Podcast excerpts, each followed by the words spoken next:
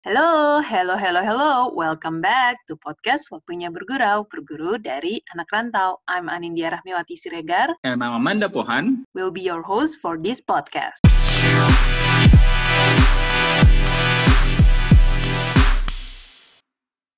Hai, selamat datang kembali teman bergurau. Halo, halo. Hai anak teman bergurau, apa kabar? Baik Senang dong. banget kita bisa ketemu lagi dan kita bisa hadir di episode terbaru dari podcast Waktunya Bergurau ya Nat di season 2 ini Nat. Yes, dan ternyata kita sudah masuk season 2 dan kita masuk ke PSBB jilid 2 juga ya, Da. Ya ampun. Jadi tetapnya kita uh, melakukan uh, interview atau kita ngobrol-ngobrol nih via uh, video conference ya Nat. Jadi Ya. suaranya mungkin agak-agak kurang jelas, tapi kita mencoba memberikan yang terbaik untuk teman-teman bergurau ya Nat ya. Pastinya dong, jadi harap dimaklumi saja. Oke, hari ini Yes. kita mau jalan-jalan ke mana nih, Da? Kan, Betul. Jadi di episode kali ini kita uh, akan ngobrol sama teman kita yang ada di mungkin negaranya belum pernah kita ngobrolin Nat, sebelumnya karena sebelumnya kita pernah ke London, kita pernah ke Inggris, ke Ya. Amerika, ke Australia. Nah sekarang Ya. kita terbang ke Middle East nih Nat, tepatnya di Qatar Nat. wow, makin-makin penasaran nih gue. Maksudnya kayak nggak kebayang aja gitu ya, di sana tuh gimana kehidupannya. Jadi, kita terbang virtual lagi ya, Da, di episode ini. Kita terbang virtual ke Qatar. Kalau gitu kita langsung aja kenalan sama teman kita yang akan kita ajak ngobrol-ngobrol. Ada Adi. Hai Di. Halo, halo. Hai Halo, semua. Adi, apa kabar? Apa kabar Qatar? Baik, baik, baik. Qatar masih masih lumayan panas, masih lumayan panas, tapi Oh ya? oke lah, Lumayan udah lumayan, udah mulai udah mulai dingin sedikit. Oh, di sana sekarang berapa derajat? 20-an Ini atau? sekarang oh, enggak, enggak, enggak, enggak, enggak. Jadi eh, di sini tuh sekitar 38, tapi we Wow. consider this as um, a little bit warm. Jadi nggak terlalu panas lah. Soalnya biasanya kalau lagi musim panas itu luar biasa panas. Gokil, gue hari ini aja ngecek gitu kan, hari ini tuh kenapa panas banget ya siang-siang. Terus pas gue 32 derajat di Jakarta tuh kayak wow panas. Dan di sana 38 derajat teman bergerau. Jadi, wah yaudah dak kita langsung aja deh ngobrol-ngobrol sama Adinya ya dak ya. Kalau gitu langsung saja kita mulai ya dia kita kita mulai ini di episode podcast kita waktunya bergurau.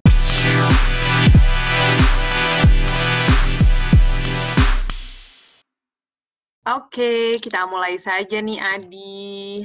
Di Qatar kan gue sampai harus eh, ngelihat Google Maps itu biasa. Qatar itu udah di mananya Middle East sih.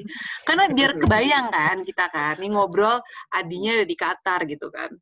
Nah, eh, Oke. mungkin Adi bisa cerita nih eh, tentang Qatar itu dan em, Adi sekarang aktivitasnya apa di Qatar? Oke, so oke. Jadi Qatar sendiri itu um, obviously di Middle East ya. Um, tetanggaan sama negara macamnya United Arab Emirates yang biasanya lebih famous dengan Dubai. Iya, betul. Terus tetanggaan juga sama Kuwait, Oman, sama Saudi Hmm. Arabia. Jadi di sini namanya GCC, Gulf Cooperation Countries, itu macamnya ASEAN kalau Mhm. di Indonesia. Mm-mm, Jadi GCC ini terdiri dari Saudi, Kuwait, uh, UAE, sama Oman. Dan Qatar juga satunya lagi. Dan gue di Qatar ini kerja sebagai um, country manager dari salah satu perusahaan berbasis di Kanada yang bergerak di bidang um, service sama teknologi spesifik untuk oil and gas. Dan Oke. gue di sini udah nginjek tahun yang ketiga, alhamdulillah udah Hmm. tahun ketiga. Ya. Um, semenjak gue lulus kuliah itu, gue sempat kerja di Indonesia kayak sekitar setahun lah.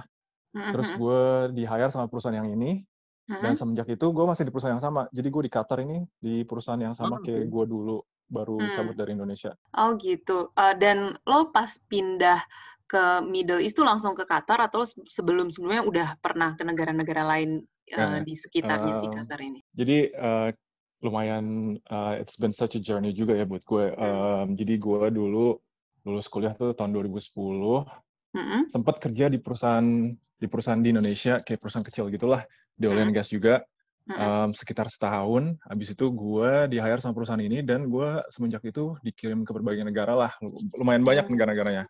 Ya. Em, assignment pertama gue itu gue dikirim ke Irak. Wow, Em, nggak kebayang gue. ya, ya lumayan lah. uh, it's Ya. been challenging. Ya. Terus dari Irak gue dikirim ke sebentar dari Irak itu gue ke Dubai. Mm-mm. Um, dari Dubai gue dikirim ke sempat di Abu Dhabi sebentar. Abis dari Abu Dhabi gue ke Kazakhstan. Dari Hmm. Kazakhstan gue dikirim ke Kuwait. Dari Hmm. Kuwait gue dikirim lagi ke Singapura. Dari Singapura gue ke- sekarang ke Qatar. Jadi Ya ya, lumayan ampun. lah gue udah lompat-lompat udah kayak Itu itu kutu selama berapa lama tuh? Berarti dari 2010 sampai sekarang 10 dari tahun. 2010. Iya. Tahun Ya, ke berarti negara mm, mm, tadi itu ya dia. Iya, iya. Jadi ya lumayan lah Qatar gue consider sebagai uh, it's an uplift dibanding sama uh, Irak dan Kuwait dan lain-lainnya. Jadi ya lumayan. kebayang sih, kebayang sih. Dan lu tuh kayaknya Tapi kayak gue juga ke negara yang ya ke Irak, Kuwait, terus udah gitu pindah ke Dubai, habis itu ke Singapura kayak gitu. Jadi naik turun naik turun gitu ya. iya. Tapi gue lumayan ya eh, lumayan lah. I consider myself lucky because Hmm. um, nggak s- kayak teman-teman gue di perusahaan yang sama kayak gue gini, Hmm. um, mereka sempat dikirim ke negara-negara yang lebih lebih Oh, lebih ya? apa ya Oke. lebih nggak enak lebih nggak enak daripada gue kayak macamnya Hmm. Kongo, Angola, Ya, ya, ya. ya negara-negara macam kayak gitulah yang Ya yang mungkin kita karena juga oil and gas juga ya company-nya ya. ya ya betul betul betul Oke, oke, oke. Tapi kalau Wow, kalau menarik. jadi bang dari pertama kali di pas lo masuk ke company ini di Hmm? memang lo sudah sudah tahu bahwa ini akan penempatan di eh, luar negeri atau seperti apa sih di waktu itu? enggak sih Eh, eh, oh pas gue masuk perusahaan ini gue udah Hmm. gue udah udah tahu gue bakalan di penempatan luar negeri jadi perusahaan ini tuh nggak ada di Indonesia Hmm, Oh, aduh gue kalau uh, gimana ya gue gue apa gue cerita dari awal aja kali ya journey gue masuk boleh, ke boleh. perusahaan ini Iya, iya, oke boleh, boleh. jadi jadi gini gue lulus tuh tahun 2010 Hmm, uh, pas baru lulus kuliah, ya seperti layaknya orang-orang yang baru lulus lah, mulai Hmm. apply-apply itu cari kerjaan sana sini kan. Nah, hmm, um, awal-awal tuh, um, jadi semenjak gue SMA, SMP gitu, gue emang punya passion, gue pengen, gue harus punya, gue harus berkarir di oil and gas. Pada saat Oke. itu oil and gas tuh lagi booming-boomingnya lah ya, lagi. Yes, iya, iya. um, lagi, pokoknya lagi, lagi hype-nya. Jadi gue pengen banget punya karir di oil and gas. Jadi pas gue lulus kuliah, hmm, gue masih megang megang teguh tuh uh, gue Hmm. harus berkarir di oil and gas. Jadi gue mulai apply apply sana sini sana sini. Um, Hmm. Sempet tuh gue dapet offer di tiga tiga uh, ya tiga perusahaan lah. Pas gue Hmm. baru lulus satu di perusahaan manufaktur di di pokoknya gue Hmm. gue pas baru lulus tuh gue dapet offer dari satu perusahaan manufaktur lumayan besar Hmm. di Indonesia. hmm, Satu hmm. lagi di perusahaan pertambangan di mining, perusahaan international corporation di Indonesia juga, dan satu lagi perusahaan lokal Indonesia bergerak di oil and gas. Dan ini tiga tiga ini gue dapat offer dari perusahaan tiga perusahaan ini. Uh, karena gue dari awal emang punya passion di oil and gas, walaupun di perusahaan pertambangan offernya lebih bagus dan di perusahaan manufaktur itu lebih lebih ya lebih um, lebih settle lah. Soalnya itu perusahaan manufaktur lumayan besar juga di Indonesia Oke. dan yang offer yang gue dapat dari si perusahaan lokal oil and gas ini uh, sebetulnya perusahaannya kecil, uh, relatively unknown dan offernya juga ya kecil lah ya. Tapi karena gue dari awal emang pengen banget berkarir di oil and gas, akhirnya ya udah gue ambil aja yang yang offernya paling kecil dan perusahaannya juga lebih unknown. Oke. Tapi ya di situlah passion gue. Akhirnya gue ambil lah di perusahaan itu.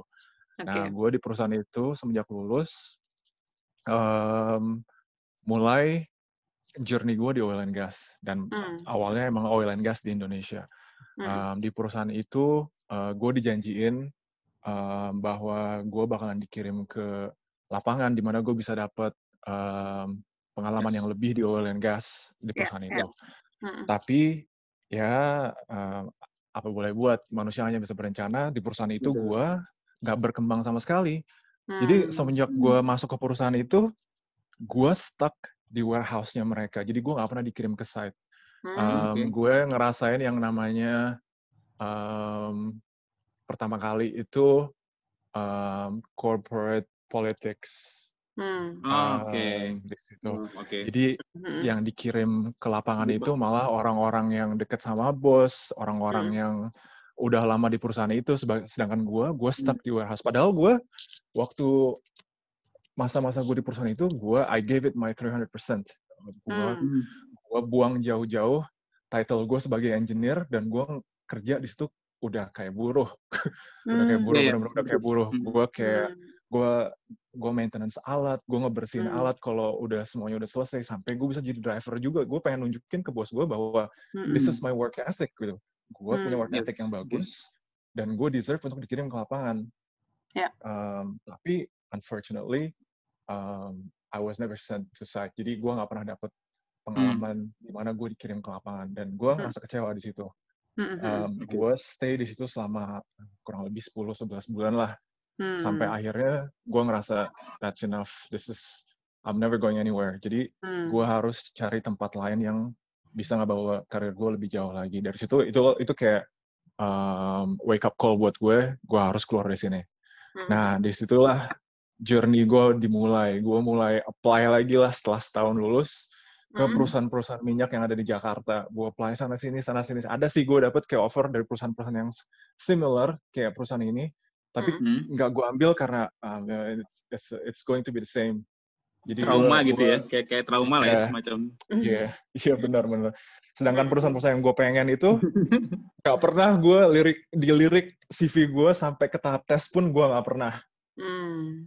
Um, Sampai gue ngerasa frustrated Uh, terus gue kayak um, uh, apa ya? Gue kayak introspeksi diri ini kenapa ya? Kok hmm. kok gue bisa nggak dipanggil sama perusahaan-perusahaan ada apa gitu. Yeah, iya. akhirnya yeah. gue gue ngobrol sana sini sana sini sama senior gue juga sama orang-orang yang udah kerja di oil and gas. Akhirnya gue gue um, I've realized that I'm never going to be able to work at those companies in Indonesia because um, gue itu lulusan dari universitas swasta.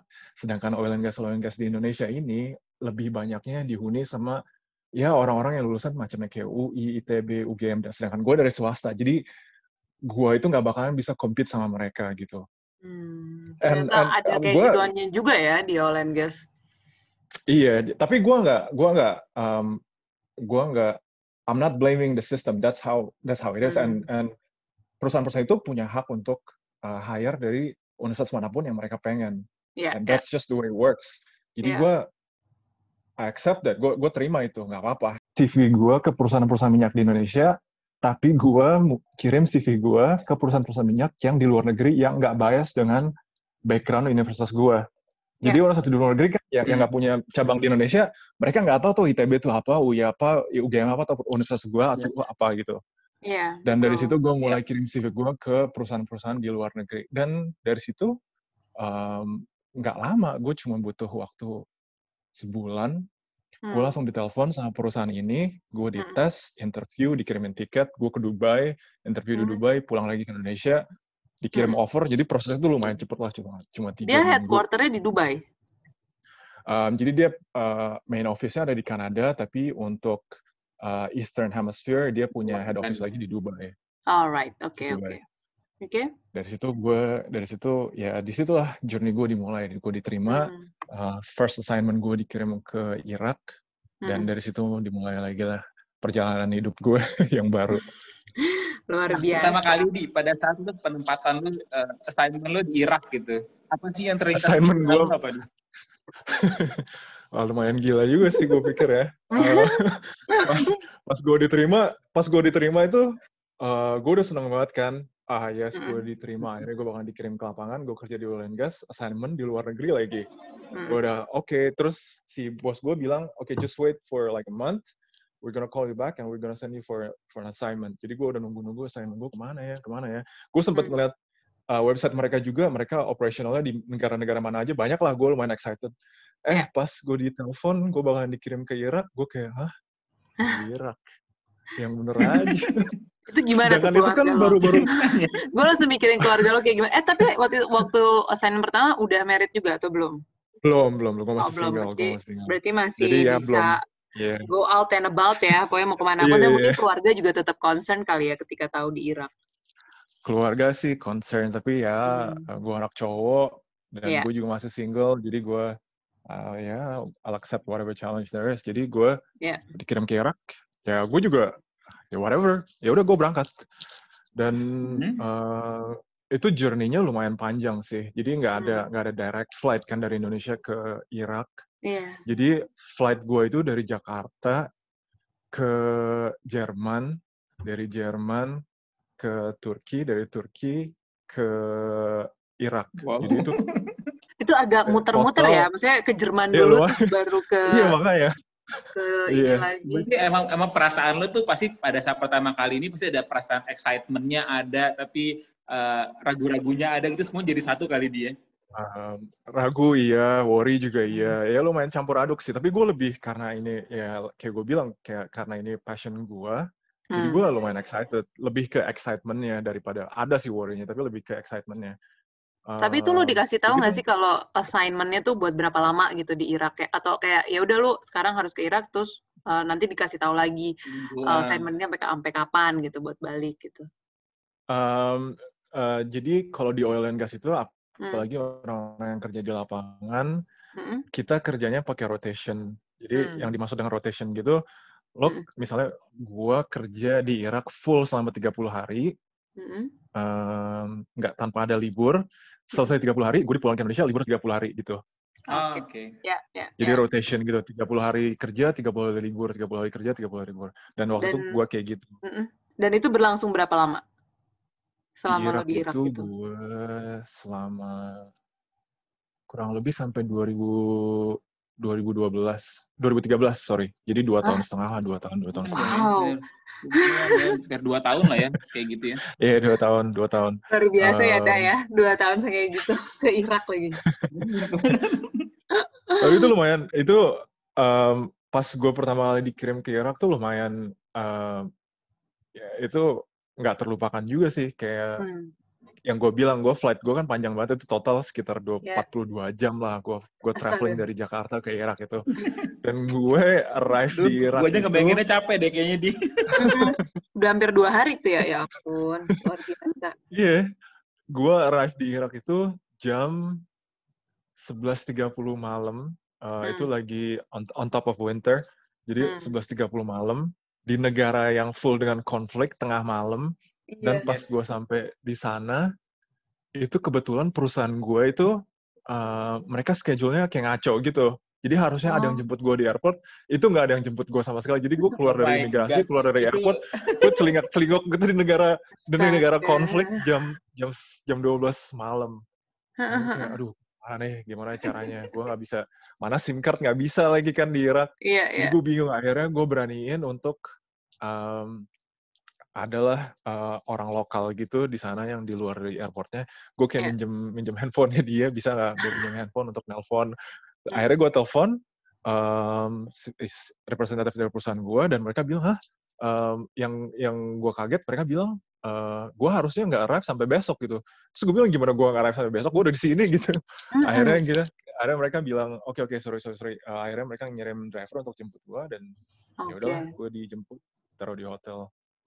Wow, what the journey ya buat memulai uh, pengalaman baru dalam hidup lo tuh berarti luar biasa sekali sampai akhirnya sekarang di Qatar juga ya dia. Hmm. Luar Penasaran biasa. sih di dari tadi kan yeah. lu cerita nih dia uh, banyak negara yang udah lo uh, singgahi untuk bekerja itu ya. Salah satu mungkin tadi yang lu sebut ada Irak, ada Dubai, ada sekarang di Qatar, di Singapura. Negara mana sih dia yang menurut lo paling challenging, paling berkesan buat lo Dedi? Paling berkesan ya, gue boleh bilang sih Kuwait.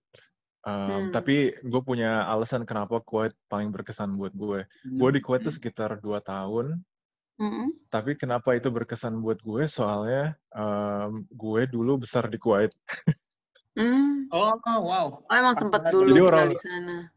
Iya, gue sempat tinggal di sana. Jadi gue SD, SMP, SMA sampai lulus itu gue sekolah di international school di Kuwait. Jadi gue lumayan familiar sama. Kuwait dan gak nyangka setelah yeah. gue lulus kuliah dan dan uh, udah kerja, gue malah ditaruh lagi di Kuwait sama perusahaan yang yang gue kerja.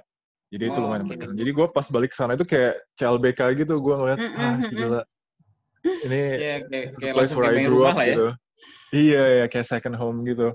Dan anehnya, gue sampai sana, gue kayak, uh, lah ini kok udah bertahun-tahun tapi masih gini aja gitu, nggak ada perubahan sama sekali. Jadi bener-bener feels like my second home gitu. Um, wow, jadi itu lumayan. Second home-nya quiet loh, dah. itu itu udah kayak mudik ya, mudiknya. Iya, mudiknya ke Kuwait. Kalau orang kan biasanya mudik Jakarta ke Bandung gitu. Enggak, ini mudiknya ke Kuwait luar biasa. Tapi tapi gue walaupun gue besar besar di Kuwait, gue selalu selalu kangen sama Indonesia sih. Gue nggak pernah. Gue selalu gue kayak nggak pernah anggap Kuwait itu as my second home. Gue selalu Alright.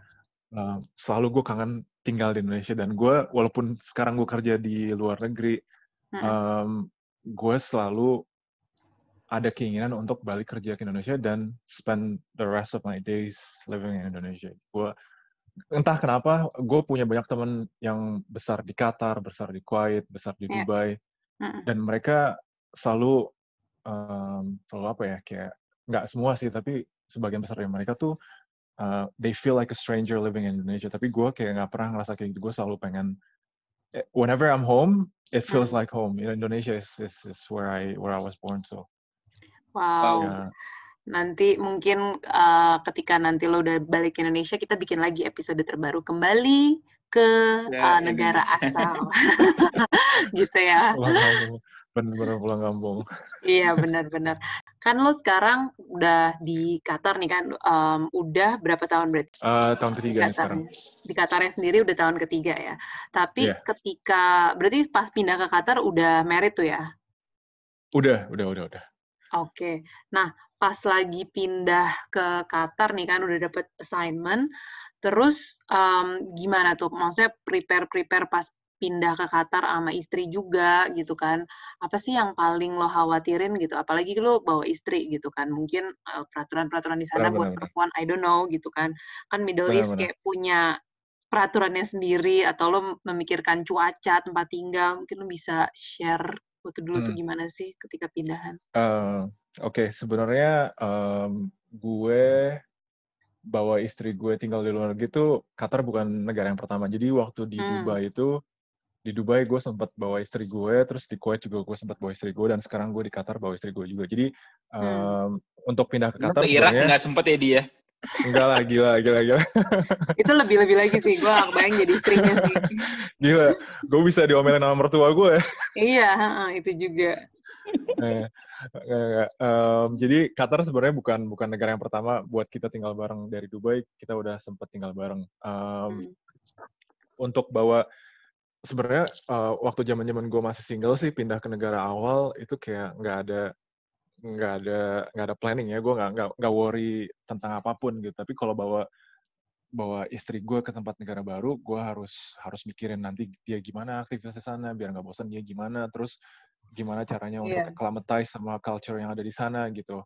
iya Lebih ke gue lebih nggak gue lebih selfless sih, gue nggak mikirin tentang diri, gue lebih mikirin ke gimana caranya istri gue bisa betah atau adaptasi sama culture yang ada di sini. Tapi alhamdulillah waktu di Dubai, ya secara Dubai tempat metropolis juga sih ya. Jadi Mm-mm. uh, it's not really like a Middle Eastern country, it's, it's more like a Hmm. Western country. Jadi nggak ada tuh bau-bau Middle East-nya. Jadi semuanya lebih open dan Iya. dan lebih lebih lebih lebih kayak Indonesia aja. It's a Iya. metropolis. Negara keduanya di mana itu Kuwait. Mm-mm. Kuwait itu lebih lebih um, lebih ke Middle East. Jadi Hmm. lebih kayak Saudi. Jadi um, culture Arabic culture-nya masih kental Hmm. um, di mana cewek-cewek itu nggak bisa um, pakai baju seenaknya jadi harus decent harus Iya. uh, nggak nggak perlu tertutup banget tapi ya lebih lebih decent lah nggak kayak di Dubai Hmm. sama di Qatar jadi di situ gue sebelum gue bawa istri gue ke uh, Kuwait. Um, gue walaupun gue dulu tinggal di Kuwait gue sebelum bawa dia ke sana gue masih research dulu tuh Hmm. um, apa aja perubahan semenjak gue ada di sana jadi um, Oke. culture differences Hmm. um, terus cara untuk behave in public apa Hmm. aja yang acceptable di sana sama yang nggak acceptable di sana apakah berpegangan tangan nggak apa-apa atau nggak boleh di public Hmm. itu walaupun sampai segitunya ya dia, benar. iya iya jadi Iya, jadi di gue harus prepare peraturannya lumayan ya.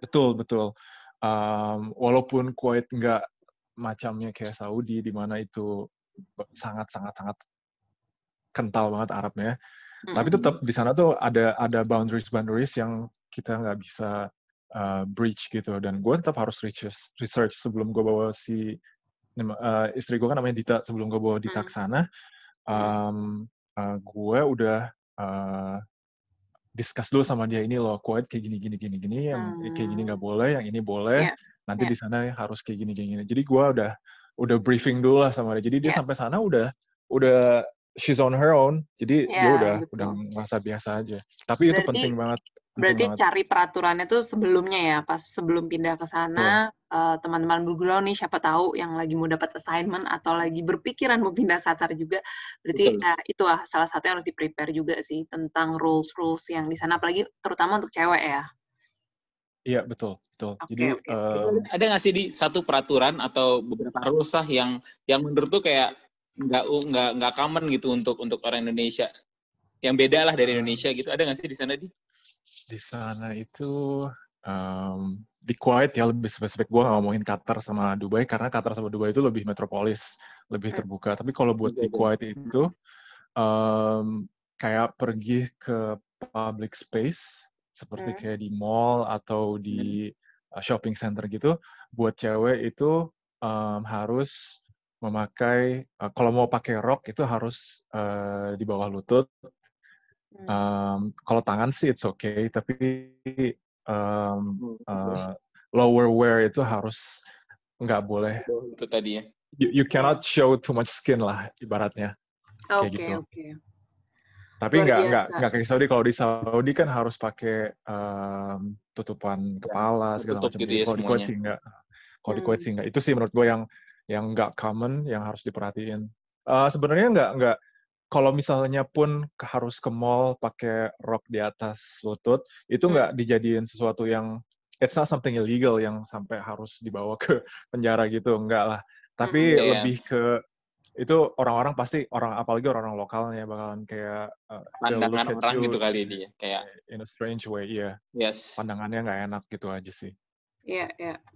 berarti ada waktu-waktu adaptasi kali ya pas awal pindah kalian juga ya mungkin sebulan dua bulan beradaptasi kali ya pas lagi awal-awal benar, benar tapi tapi nggak se shocking adaptasi sama cuaca sih sama cuaca itu itu lumayan sangat-sangat ekstrim karena panas banget ya Iya, itu itu banget bangetnya mungkin pakai tiga kali kali ya. Um, kalau lagi musim panas itu di puncak-puncaknya itu sampai ke 65 derajat.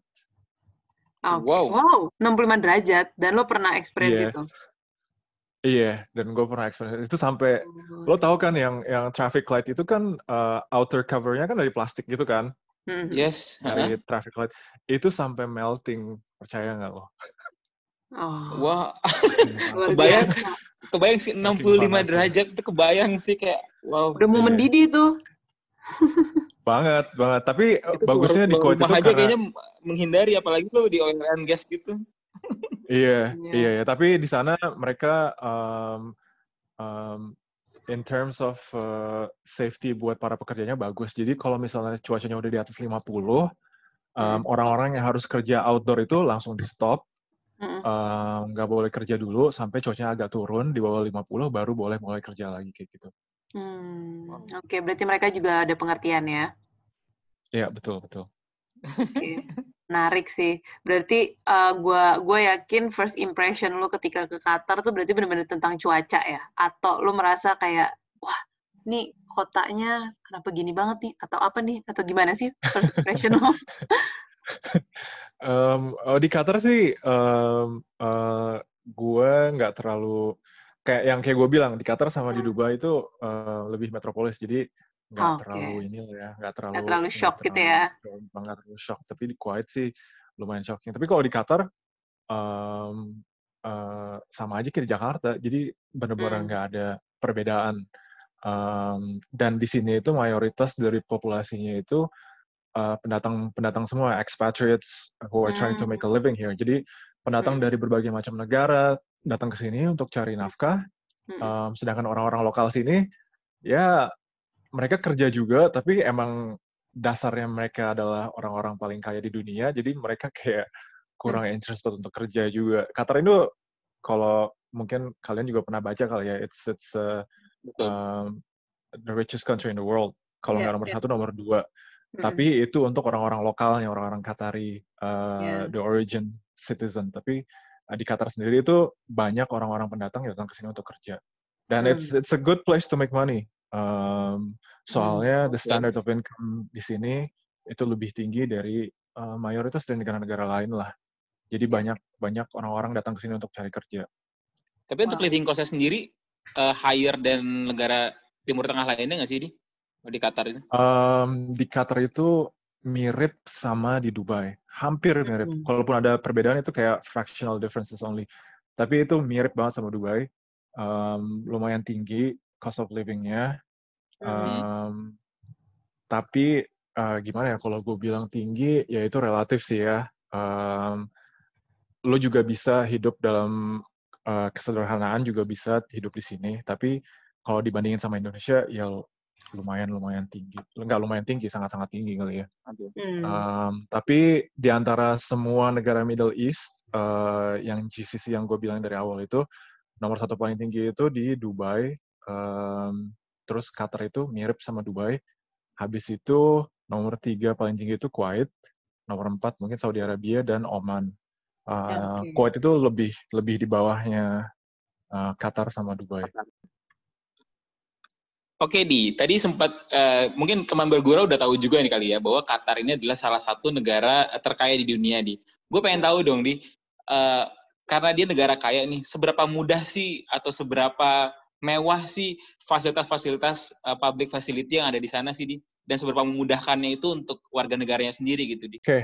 um, gue ngomongin sebagai warga negara Qatar aja ya. Um, jadi warga negara Qatar itu sangat sangat eksklusif di sini. Walaupun mereka nggak nggak uh, terlalu mendiskriminatkan orang-orang pendatang di sini yang cari kerja di sini, tapi mereka itu sangat sangat eksklusif. Um, jadi kalau lo itu warga negara Qatar, um, dari semenjak lo lahir, lo udah disubsidi sama pemerintah. Misalnya nih um, orang Qatar nikah, terus punya anak, dari nikah aja pertama kali hari pertama lo nikah lo udah dikasih lo udah dikasih lahan sama duit untuk bangun rumah dan itu rumah mewah lah ya um, sama pemerintah. Dan ketika lo ngelahirin anak pertama itu anak pertama itu bakal dikasih allowance sekitar 2.000 sampai 3.000 dolar per bulannya buat satu anak. Anak kedua sama dikasih 2.000 sampai 3.000. Jadi mm. makanya di sini anak-anaknya banyak, soalnya mm. setiap anak dikasih sekitar 3.000 dolar lah sama pemerintahnya dan hmm. itu segitu segitu they support their citizens lah. Yeah. Jadi makanya mereka di, they consider themselves as one of the richest countries in the world because um, mereka nggak usah ngapa-ngapain pun, nggak usah kerja pun, mereka udah udah bisa hidup dengan kemewahan di sini. Yeah. Nggak bakalan ada orang nggak ada orang miskin Qatar tuh di sini nggak ada. Itu hmm. dari sisi orang-orang uh, Qatarinya. Hmm. Um, sedangkan untuk, untuk para pendatang-pendatangnya, hmm. um, bagusnya di sini negara Qatar itu they realize that this country is being built by um, the hands of foreigners. Jadi foreigners foreigners yang datang ke situ ngebantu lah Qatar untuk maju. Makanya they hmm. appreciate people coming here to make a living karena tanpa mereka pun ekonomi nggak bakalan nggak bakal maju di Qatar. Jadi sebisa mungkin mereka membuat fasilitas-fasilitas umum yang bisa dipakai nggak cuma untuk Qatari doang, tapi untuk orang-orang foreigners yang ada di sini. Dan mereka juga memperbaharui labor law-nya mereka apa ya? Labor law itu kayak kayak Undang-undang tenaga kerja gitu kali ya? Undang-undang tenaga kerja atau hmm. sejak iya undang-undang tenaga kerjanya. Jadi semenjak semenjak um, 10 tahun terakhir di sini itu itu progresnya sangat sangat sangat sangat pesat sekali di mana Qatar lebih melindungi orang-orang yang kerja di sini itu lebih undang-undang ketenaga kerjaan di sini itu lebih maju dibanding sama negara-negara Arab lainnya gitu. Um, jadi mereka, jadi orang-orang yang kerja di sini itu emang benar-benar dilindungin sama sama sama negara Qatar sendiri dan itu bagusnya di sini. Um, okay. Kalau di compare sama Kuwait itu belum semaju di sini. Di Kuwait itu masih ada diskriminasi atas para pekerja para pekerja uh, pendatang di Kuwait sana. Tapi di Qatar nggak kayak gitu, nggak nggak ada hmm. diskriminasi. Um, Berarti lo gue bisa simpulkan lo betah banget lah ya di sana setelah tiga tahun juga kayaknya kalau diperpanjang pun kayak uh, nggak masalah ya dia nggak masalah nggak masalah apalagi gue nggak tahu kemungkinan bakalan ditaruh di mana syukur-syukur kalau ditaruh di negara yang lebih maju dari Qatar tapi kalau ditaruh yang lebih lebih nggak enak lagi kan untuk bekerja lah ya hmm? attitude worknya seperti apa sih di di untuk untuk kerja di Qatar apa mungkin karena lo di international company jadinya tidak tidak terlalu uh, bersinggungan sama uh, uh, lokal di sana gitu sehingga work attitude-nya itu sama kayak international company-nya gitu. Tapi kalau berhubungan sama lokal sana, lu tau gak sih? Oke, okay. Um, jadi uh, gua, lagi-lagi gue bedain ya sama attitude orang-orang kerja Qatari sama attitude orang-orang kerja pendatangnya. Um, walaupun uh, let's say kita ngomongin uh, sebuah perusahaan lokal benar-benar 100% lokal dari Qatar gitu. um, di perusahaan itu pun itu orang Qatarnya bisa dihitung pakai jari. Hmm. Jadi lebih Hmm. banyak pendatangnya. Um, orang-orang Qatari mereka work ethicnya sebenarnya bagus dibanding sama negara-negara Arab lainnya semua. Tapi dibanding sama foreigner uh, lebih produktif orang-orang foreignernya of course karena orang Qatari mereka kerja nggak kerja pun mereka udah terlahir sebagai orang kaya lah ya. Um, tapi nggak nutup kemungkinan ada beberapa orang Qatari yang work ethicnya emang gue bisa bilang itu 200% dibanding sama orang-orang lain. Tapi nggak nggak banyak lah. Lebih banyak dari Hmm. mereka yang work ethicnya biasa-biasa aja dan mereka kerja juga nggak ngoyo-ngoyo amat dibanding sama uh, orang-orang pendatang yang kerja di sini. Um, kalau gue etika kerja di Qatar sama etika kerja di Indonesia, mungkin gue nggak bisa bandingin banyak juga karena gue kerja di Indonesia cuman kayak kurang eh, cuman setahun doang. Tapi yang gue lihat selama gue kerja setahun di Indonesia sama gue sekian lama kerja di luar negeri, tetap ya, ya gue nggak bisa bilang uh, mayo, uh, secara rata sih ya. Tapi di Indonesia Hmm. itu lebih banyak ke uh, politiknya sama lebih banyak. Kadang performance base itu nggak ada sama sekali. Jadi kadang orang naik jabatan itu merely because he's close with the boss or he's somebody. Ya. Walaupun performance-nya biasa-biasa aja, dibanding ada satu orang lagi yang performance-nya luar biasa, tapi karena dia he's just a nobody, he doesn't Hmm. know anyone from the top, he's stuck there kayak gitu. Iya. Walaupun gua nggak nggak bilang secara rata ya, mungkin mungkin ada Yes, juga perusahaan-perusahaan yang yang yang yang em, nggak kayak gitu, tapi yang gue lihat sih kayak gitu ya. Dan di luar negeri ini, gua ap- apalagi di perusahaan gue uh, yang gue kerja sekarang itu, mereka lebih lebih uh, lebih fair. Kalau if your performance is good, Hmm. um, I'm gonna bring your career to the top. That's that's what they say. Jadi dan itu gue ngerasain sendiri. Um, Alhamdulillah karir gue juga berjalan secara mulus. Ya. Um, jadi di sini tuh nggak ada bias. Mungkin ada juga bias, nggak nggak mungkin ada bias, tapi mungkin nggak nggak sebias di Indonesia ya. Di sini ada juga kalau misalnya lo kenal sama siapa bisa karirnya lebih naik. Tapi nggak bakalan bisa uh, disaingin sama orang yang performanya sangat-sangat bagus. Jadi lo kalau performanya sangat-sangat bagus, udah pasti karir lo bakalan naik. Luar biasa ya. Nih uh, berarti kerja di sana tuh uh, ada yang bisa lo ambil juga, ada yang bisa dipelajari juga ya dia buat nanti kalau misalnya once lo balik ke Indonesia gitu. Betul, betul, betul. Nah, sekarang nih kita kan dari tadi udah ngomongin kerjaan ya. Kalau misalnya di luar kerja nih, uh, kegiatan apa sih yang biasanya lo sama istri lo pergi gitu ke ngapain gitu di Qatar? Kayak mungkin ke taman-taman atau uh, museum gitu atau apa sih? Mungkin bisa diceritain ke teman bergurau karena Oke, siapa oke. tahu itu bisa jadi apa ya? em, ketika mereka, eh, siapa tahu liburan juga gitu ke sana ada tempat-tempat yang perlu didatengin gitu kan? Karena tourismnya Hmm. Qatar juga salah satu yang lagi lagi lagi booming banget nih di Indonesia kan di. Mm-mm. Iya, iya betul, betul, betul. Em, jadi eh, Qatar ini akhir-akhir ini mereka mencoba untuk diversifikasi income-nya mereka. Jadi dulu mereka em, berkeder- berketergantungan besar sama yang namanya income dari oil and gas. Tapi Hmm. sekarang mereka udah mulai shifting towards tourism. Ya. Um, di situlah mereka mulai memperbaiki semua fasilitas umum di Qatar, memperbaiki um, entertainment-nya untuk narik orang-orang supaya mau visit Qatar, terus visanya juga dipermudah untuk datang ke Qatar, terus mereka juga uh, 2022 juga bakal host World Cup juga Piala Dunia buat Hmm. sepak bola.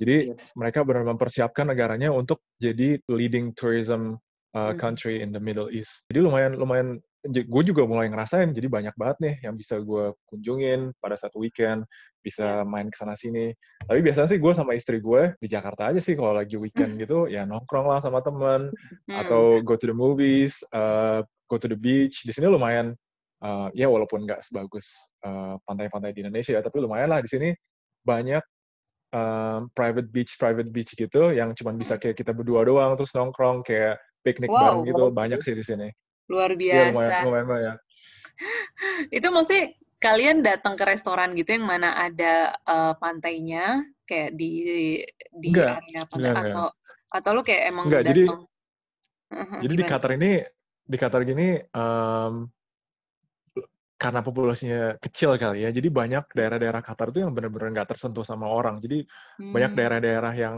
benar-benar kosong, nggak ada siapa-siapa. Jadi lo kalau if you take a drive into the desert and then just go straight, hmm. itu pasti lo bakal mencapai sebuah titik di mana itu ada pantai. Soalnya Qatar ini dikelilingin hmm. sama uh, laut. Pantai. Ya? Okay, Jadi ke mana pun okay. lo pergi, ke ujung mana pun hmm. lo pasti sampai ke pantai. Jadi um, orang-orang tuh kebanyakan tinggalnya di Doha, yang mana itu kayak capital city-nya dari Qatar gitu ya.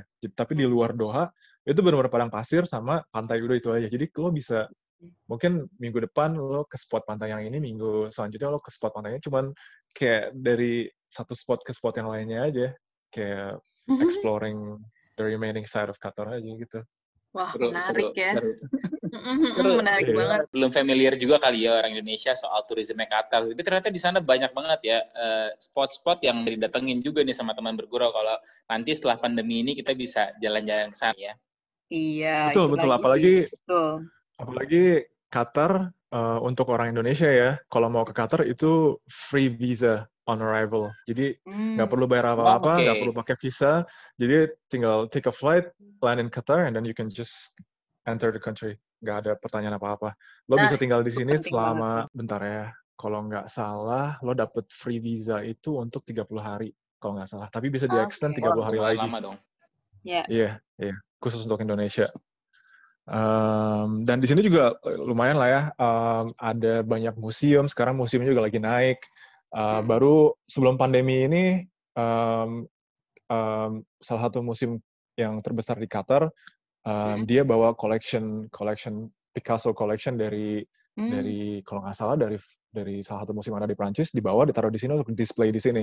Jadi wow. setiap setiap enam bulan sekali itu macam-macam tuh ada Picasso terus mungkin enam um, bulan yang akan datang ada Van Gogh macam-macam lah jadi musimnya hmm. lumayan update terus itu yang untuk museum terus di sini juga banyak resort-resort juga um, hmm. yang bisa dikunjungin. Terus Mungkin juga um, orang Indonesia bisa preparing buat World Cup ya dia di 2022 betul, ya dia. Betul. Ya, Itulah betul. yang ya, semoga gue masih di sini, gue belum dipilih lagi ke negara berantah. Baru gue mau ngomong, semoga lo masih di sana sih. Amin. Dan satu lagi sih, semoga pandemi ini segera berakhir ya guys. Itu juga betul, sih betul, yang penting, betul. supaya kita bisa liburan lagi betul, ke mana-mana kan ya. Nah balik lagi nih betul. ngomongin si pandemi. Gimana sih sekarang kondisi pandemi di Qatar? Mungkin bisa okay. cerita dikit atau ya biar kita juga kebayang seperti apa di sana. Um, Oke, okay. jadi waktu pertama breakout itu kalau nggak salah sekitar bulan di sini ya spesifik di sini hmm. breakout pertama itu dua uh, tak bulan akhir Februari itu first case hmm. itu akhir Februari. Okay, nah semenjak itu ya, Indonesia. Oh ya hampir sama ya. Mm -hmm. Dari awal Maret semenjak, gitu. Nah, semenjak itu, uh, itu semua aktivitas yang ada di Qatar, mm-hmm. itu langsung di halt semua sama pemerintah, mm. dan mereka regroup untuk cari solusi yang terbaik. Jadi, pertama itu benar-benar di halt, nggak ada aktivitas mm. sama sekali, mm. mereka regroup, terus cari solusi yang terbaik, gimana caranya untuk stop the spread, uh, untuk abis stop the spread, jadi kontrol yang ada di negara ini.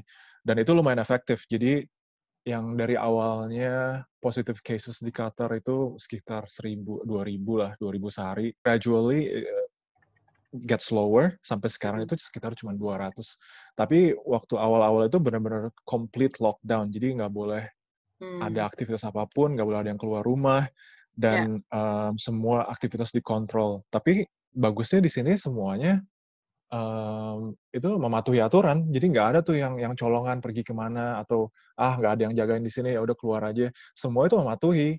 Um, makanya hmm. semuanya bisa kontrol dengan cepat dan sekarang udah lumayan normal lagi. Sekarang di Qatar nih udah um, gue bisa bilang 95% back to normal. Udah nggak ada um, uh, mau, mau, mau itu kerja, sekolah, aktivitas uh, outdoor buat anak kecil semuanya udah udah back to normal. Oh Cuma gitu. Berarti waktu itu lockdown berapa lama tuh? Dua bulan, tiga bulan? Lockdown itu, uh, complete lockdown itu sebulan hmm. setengah, hampir dua bulan. Abis hmm. itu gradual lifting. Jadi hmm. uh, masih lockdown, tapi aktivitas-aktivitas yang yang esensial ya. Hmm. boleh.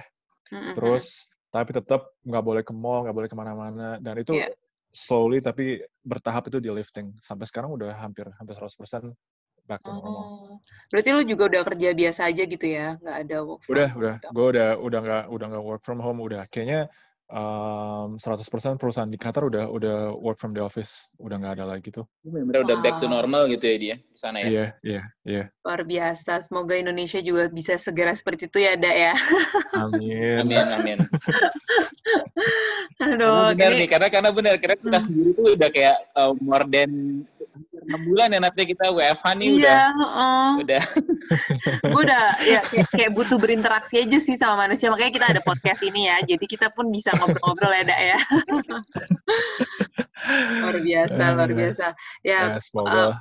mm, mm, mm, ya semoga Indonesia bisa segera selesai. Ya menurun lah intinya lebih menurun. Dan em, ya apalagi kita bisa jalan-jalan lagi itu sih yang penting juga. Kayak habis ini orang-orang pada langsung berplanning nah em, sebenarnya sih kita masih mau ngobrol lagi nih di. Tapi karena durasi mungkin em, kita harus nanya last question ke kamu. Em, buat teman-teman bergurau nih yang mereka lagi mau pindah ke Qatar atau mungkin yang dengerin ada yang lagi di Qatar juga bisa nggak sih share tips and trick uh, buat teman-teman bergurau yang um, yaitu ketika pindah ke Qatar tuh mereka apa yang harus disiapin atau buat yang lagi di Qatar apa yang harus dilakukan gitu supaya mereka bisa lebih mengeksplor Qatar. Oke, gue cuma ngasih advice aja ya kalau Hmm. emang pengen ada yang kerja di Qatar, apalagi Qatar itu, apalagi sekarang Qatar untuk Indonesia itu terbuka banget, Hmm. gampang untuk untuk orang Indonesia datang ke Qatar. Jadi untuk teman-teman yang mau mencoba peruntungan kerja di Qatar itu sangat gampang sekali. Oke. Um, ada banyak cara. Pertama bisa uh, browsing perusahaan-perusahaan Qatar um, di Google, terus buka webpage yang mereka, cek apakah ada vacancy, terus apply langsung ketika kalian masih ada di Indonesia. Atau kalau emang punya jiwa adventure dan punya modal sedikit, bisa langsung ke Hmm. Qatar. Uh, dan mungkin itu chance-nya lebih besar. Langsung ke. Qatar. Um, di sini juga free visa. Di Hmm, sini nanti betul. bisa explore sendiri, pergi ke perusahaan mana-mana mana pun, terus Hmm. coba untuk apply langsung. Menurut gue itu, uh, apalagi di Qatar ya, personal personal um, interaction di Qatar itu yang gue lihat itu bagus banget. Jadi Hmm. um, dibanding apply dari um, websitenya langsung secara informal, dibanding dengan datang langsung ke sini, ketemu sama representatif dari perusahaan, datangin perusahaannya itu, terus kayak bilang kalau pengen coba untuk apply di perusahaan ini, itu mungkin lebih lebih yang gue lihat sih banyak juga teman-teman kita uh, yang gue kenal di sini, mereka itu bener-bener um, they took a chance terbang dari Indonesia datang ke sini apply langsung di sini dan mereka dapat kerjaan di sini gitu. Lebih lebih lebih punya chance untuk diterima lebih besar daripada yang apply di sana. Dan itu nggak satu dua orang ada lumayan kenalan gue di sini ada sekitar delapan tujuh tujuh delapan orang lah yang udah kayak gitu dan mereka sekarang kerja di sini udah lama um, Hmm, ya oke. kayak gitu dan ketika mereka udah kerja tuh. di sini, ketika mereka udah dapat kerjaan di sini, um, ntar kalau mereka kurang puas dengan perusahaan yang uh, mereka kerja sekarang, mereka bisa coba lagi untuk untuk lompat ke perusahaan yang lain. Dan Hmm. um, banyak juga yang kayak gitu yang sekarang udah lumayan sukses di salah satu perusahaan paling besar di Qatar juga ada juga. Uh, tapi mereka awalnya kayak gitu, mereka datang ke sini pakai visa Ya. on arrival, terus coba peruntungan dan mereka dapat. Oke, oke. Tapi Kira tips dari Adi yang udah di sana nih dia. Iya. Iya, iya. ta- Tapi ya balik lagi ya, um, butuh sedikit modal soalnya um, di sini hotel juga lumayan agak mahal, terus biaya Hmm. makan juga lumayan agak mahal. Ya sediain aja budget untuk tinggal di sini selama seminggu lah, paling nggak seminggu atau dua minggu. Tapi biasanya proses untuk rekrutmen di sini itu lumayan cepat. Hmm. Um, kadang ada perusahaan yang nggak pakai tes, nggak pakai bermacam-macam interview, cuma sekali interview, lihat CV, mereka suka langsung di hire. Ada juga perusahaan kayak gitu. Um, Hmm. Jadi gue saranin uh, mungkin sediain budget sekitar tinggal untuk dua minggu. Hmm. Um, gue rasa lumayan lumayan cukup sih kayak gitu. Oke, luar biasa. Ini tips banget sih buat teman bergurau. Terima kasih Adi buat tipsnya dan cerita-cerita perjalanan selama di Ya. Qatar dan selama pindah-pindah beberapa negara tadi ada ya. Betul betul. You, Oke. Di. Terima kasih. Pasti eh, anak teman bergurau pasti udah dapat insight-insight baru nih soal Middle East dari seorang Adi yang sudah melalang buana di Middle East dan cerita tadi pengalaman eh, Adi tadi di Middle East tadi ya nanti. Iya, Siap siap, betul thank you thank you udah undang gue. Iya, thank you banget ya dia. Terima kasih juga buat teman bergurau yang udah ngedengerin dari tadi. uh, kita kalau misalnya ada uh, negara lain nih yang mau uh, kita coba explore lagi atau ya. ada um, topik yang mungkin teman-teman bergurau pengen dengar langsung aja DM kita ke Instagram kita di @podcast waktunya bergurau um, dan episode-episode sebelumnya juga pasti kalian masih bisa dengarkan di Spotify atau di YouTube channel kita. Oke, okay, yes, kalau gitu Sekali lagi, sekali lagi Adi, thank you so much di Thank you, uh, thank you. teman-teman bergurau dan uh, selamat ya. Ntar lagi lagi menunggu kelahiran anak pertamanya nih Nat. Jadi semoga lancar-lancar oh, okay, dan sehat. Okay. Semoga lancar ya. Thank you. Oke, kalau gitu itulah tadi perbincangan kita, ngobrol-ngobrol kita sama Adi yang ada di Qatar soal yeah. ceritanya di Middle East. Thank you so much sudah mendengarkan. Kalau gitu saya Amanda Pohan. Anindya Siregar. Keep listening guys. Bye-bye. Healthy guys. Bye. Bye.